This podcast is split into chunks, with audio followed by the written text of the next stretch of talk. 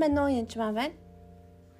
Аа тэгэхээр эзний оршихуйд орох дээр тал дээр бас заавалчгүй одоо гэдгийг нөгөө йога ч юм уу буддаа уншиг юм гэж суудаг ч тэрнтэй адилхан суурна гэсэн үг л ерөөсөө бас биш. Аа библийн ишил уншаад заавал нэг газараа одоо амьсгалаад өгчээ ч юм амьсгалаа аваад тэгээд суудаг бол албатай бас биш байгаа.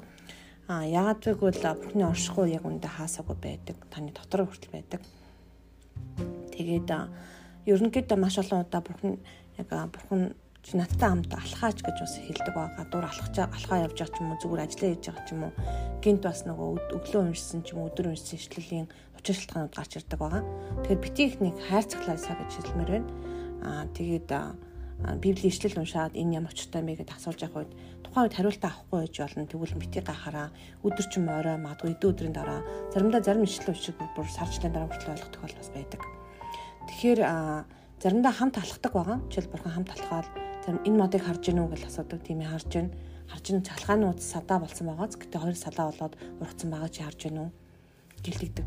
Аа гэл гинт илчлэл авдаг байгаа. Тэг илчлэл аваад яг нөгөө зарим мэрсэн ишлэх авчиг бас ойлгодог байгаа. Тэгэхээр бурханаас ирсэн divine буюу яг онцгой тэр бурхан дээд дээр одоо дээрээс ирсэн тэр илчлэлийг авах үед үнэхээр ингээд зүгүрлэн цэлмэг цэлмэг шиг болдог байгаа. Тэгээд би итгэж бас хүмүүс биш хүмүүсийг залбиралдаг л та. Тэгээ тэр үед тэр хүний дотор залбирах үед дотор юм гүн хангуу руу орж мэдрэгддэг. А хэрэг та итгэгч бол яг бас яг тийм биш. Та итгэгч болов 17-гийн 11 харах бол хинч харааш тэнд байна гэх юм уу эсвэл харааж энд байна гэж хэлэхгүй харахтун бурхны хаанчлал та нарын дунд байна гэж хэлдэг. Тэгэхээр бурхны хаанчлал яг орчуулах юм бол та нарын дунд биш таны дотор байна гэж. Эзэн тэр бурхны хаанчлал таны дотор байгаа яг үнэтэй. Тэгээ дотор дотор байгаа та итгэгч бол бурхны хаанчлал таны дотор байдаг бөгөөд а тохны дотор бурхны бас хайр байгаа. Тэгэхээр ерөөдөө оршихуйд орно гэдэг нь Бурхны хайрыг илүү мэдэрнэ гэсэн. Тэгэхээр энийг мэдхийн тулд нөгөө Prayer буюу эзний залбирлыг бас хүмүүс хийж ордог байгаа. Аа тэгэхээр эзэн дээр эрэхтэй Бурхны оршихуйд орохдоо маш хүндэтгэлтэй тэгээд чимээгүй орох хэвээр болж игэл би still no I'm гэдэг чи тэмцэлтгээ болж намайг эзэн гэдэг мэддэхгүй гэж ишлэл байдаг. Гэтэ still гэдэг нь яг тэмцэлтэн гэсэн үг шүү чимээгүй тайван байна л гэсэн үг. Ялангуяа оюун бодлоо нилээн өдөртөж захарна гэсэн үг. Тэрнээс дэше гахаар аянда оюун бодол нэг тийм цатаа болохоо байждаг юм л да. Жишээлбэл та тэнгэртэйгээ бидний аваа гэдэг ишлийг хэлэх гэж бол тэнгэртэйгээ бидний аваа гэд ааваа ааваа гэд дахин дахин хэлэх хэрэгтэй. Тэгээд дүнжлэн яг тэнгэрт байгаа гэж юу вэ гэд тэгээд тухайн үед бас янз бүрийн хүнд өвч юм уу дарамт энэ мэддэг юм бол тэрнийг сайхан амьсгалаагаа тайвшаад гаргаад явуулах хэрэгтэй гэсэн. Тэгэхээр ялангуяа өвчтөө зовлонтой хүн эзний оршихуд орохдоо эзнэр хэрэгтэй их санаа зовсон энэ өвчин минь тэр өвчин минь гэж ирдэг байгаа болж өгөх бити тэгээрээ эзний өмнө чимээгөө сууж сурах хэрэгтэй. Дараа зүрхтгэлээр очих явдал бол маш чухал байдаг. Тэгээд бурхны өсөл юу гэж яг хүүхдүүд наавтай хайртай байх байх. Үнэхээр намайг хайрлаасаа гэж бас бас чин сэтгэлээсээ хүсдэг байгаа. Тэгээ миний хайрыг бас мэдээсэй гэж бас чин сэтгэлээсээ хүсдэг байгаа. Тэгэхээр одоо урд нь хийдэг байсан шиг ингэх ёстой, тэгэх ёстой ч гэдэг юм уу. Эсвэл одоо урд нь хатуу бясалгалд явж исэн хүмүүс ч гэдэг юм уу хатуу буддист байсан хүмүүс ялангуяа бөөгөр явж исэн хүмүүс энэ төр бол итгэж басныхаа дараа яг тэр тухайн зүйлийг хийх гэж бас орддог баа. Бас тэр шашны хүлээсүүдийг бас битий авчраараа шашин бол өөр хүлээс байгаа хүнийг хүлдэг байгаа. Тэгээд тэг шашны хүлээс зайл гэж залбираад аль болох тэр яг робот ингүүл тэгэн тэгвэл ингэсэн бодлоодоо сая таягдан харах аях хэрэгтэй. А бурхан юугаар дамжуулан бидэнд хичээл зааж чадна а заримдаа би жаахан хүүхдээ автагаа тоглох шиг тоглодог байгаа. Аа тэгээд заримдаа зүгээр л цэцэрлэгээр хамт алхдаг байгаа.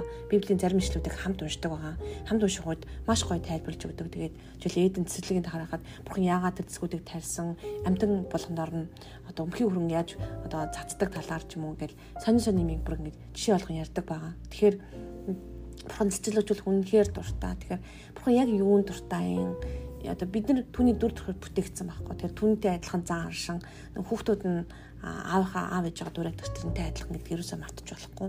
Тэгээ бурхан бас маш том дата сайентист байгаа. Чиний өсний ширхэг болгоныг мэднэ А тэгэхээр миний бүх мэдээлэл түн бол байдаг байгаа. Тэгэхээр нөгөө бид нар аав ээжүүд тэгээд хүүхдүүд маань юу зурсан, яаж алхсан, анх хөлийн хэмжээ нь ямар байсан, анх ус ахуулсан үсэн ч гэдэг юм уу, анх одоо цагаан талхан өсөг болж ирсэн үсгэн ч гэдэг юм уу, эсвэл одоо орчин үед бол видео бичлэг хийгээд л их хадгалдаг байсан байгаа болд. Бурхан биднээс л хадгалдаг бүх мэдээлэл дурсамжууд миний хүүхэд миний охин ийм байсан гэд бүх мэдээлэл нь түнд байдаг тэр бүр төрхөөс өмнөх мэдээлэл хүрд байдаг. Бас ирээдүйн мэдээлэл хүртэл байдаг гэдэг юусаа мартаж болохгүй. Тэгэхээр эзний оршихуйд орж сурна гэдэг бол үнэхээр чухал зүйл шүү. Тэгээд ялангуяа Мата 6 дээр байдаг эзний оршихуйд Бурхны зал Иесус Христосийн бидний заасан залбирлаар орж сурвал их зүгээр байдаг. Аа тэгээд заавалчгүй бас тэр залбирлаар орох албатай биш аль ч залбирлаар орж болно. Тэгээ тэм дээр эмчтэр очдог шиг л өвч өвчнөө бариад очиж байгаа хүн шиг бас битээ байгаараа. Яг дээр очиж байгаа жоохон хүүхчиг байгаасаа гэж чин сэтгэлээс би хүсэж байна.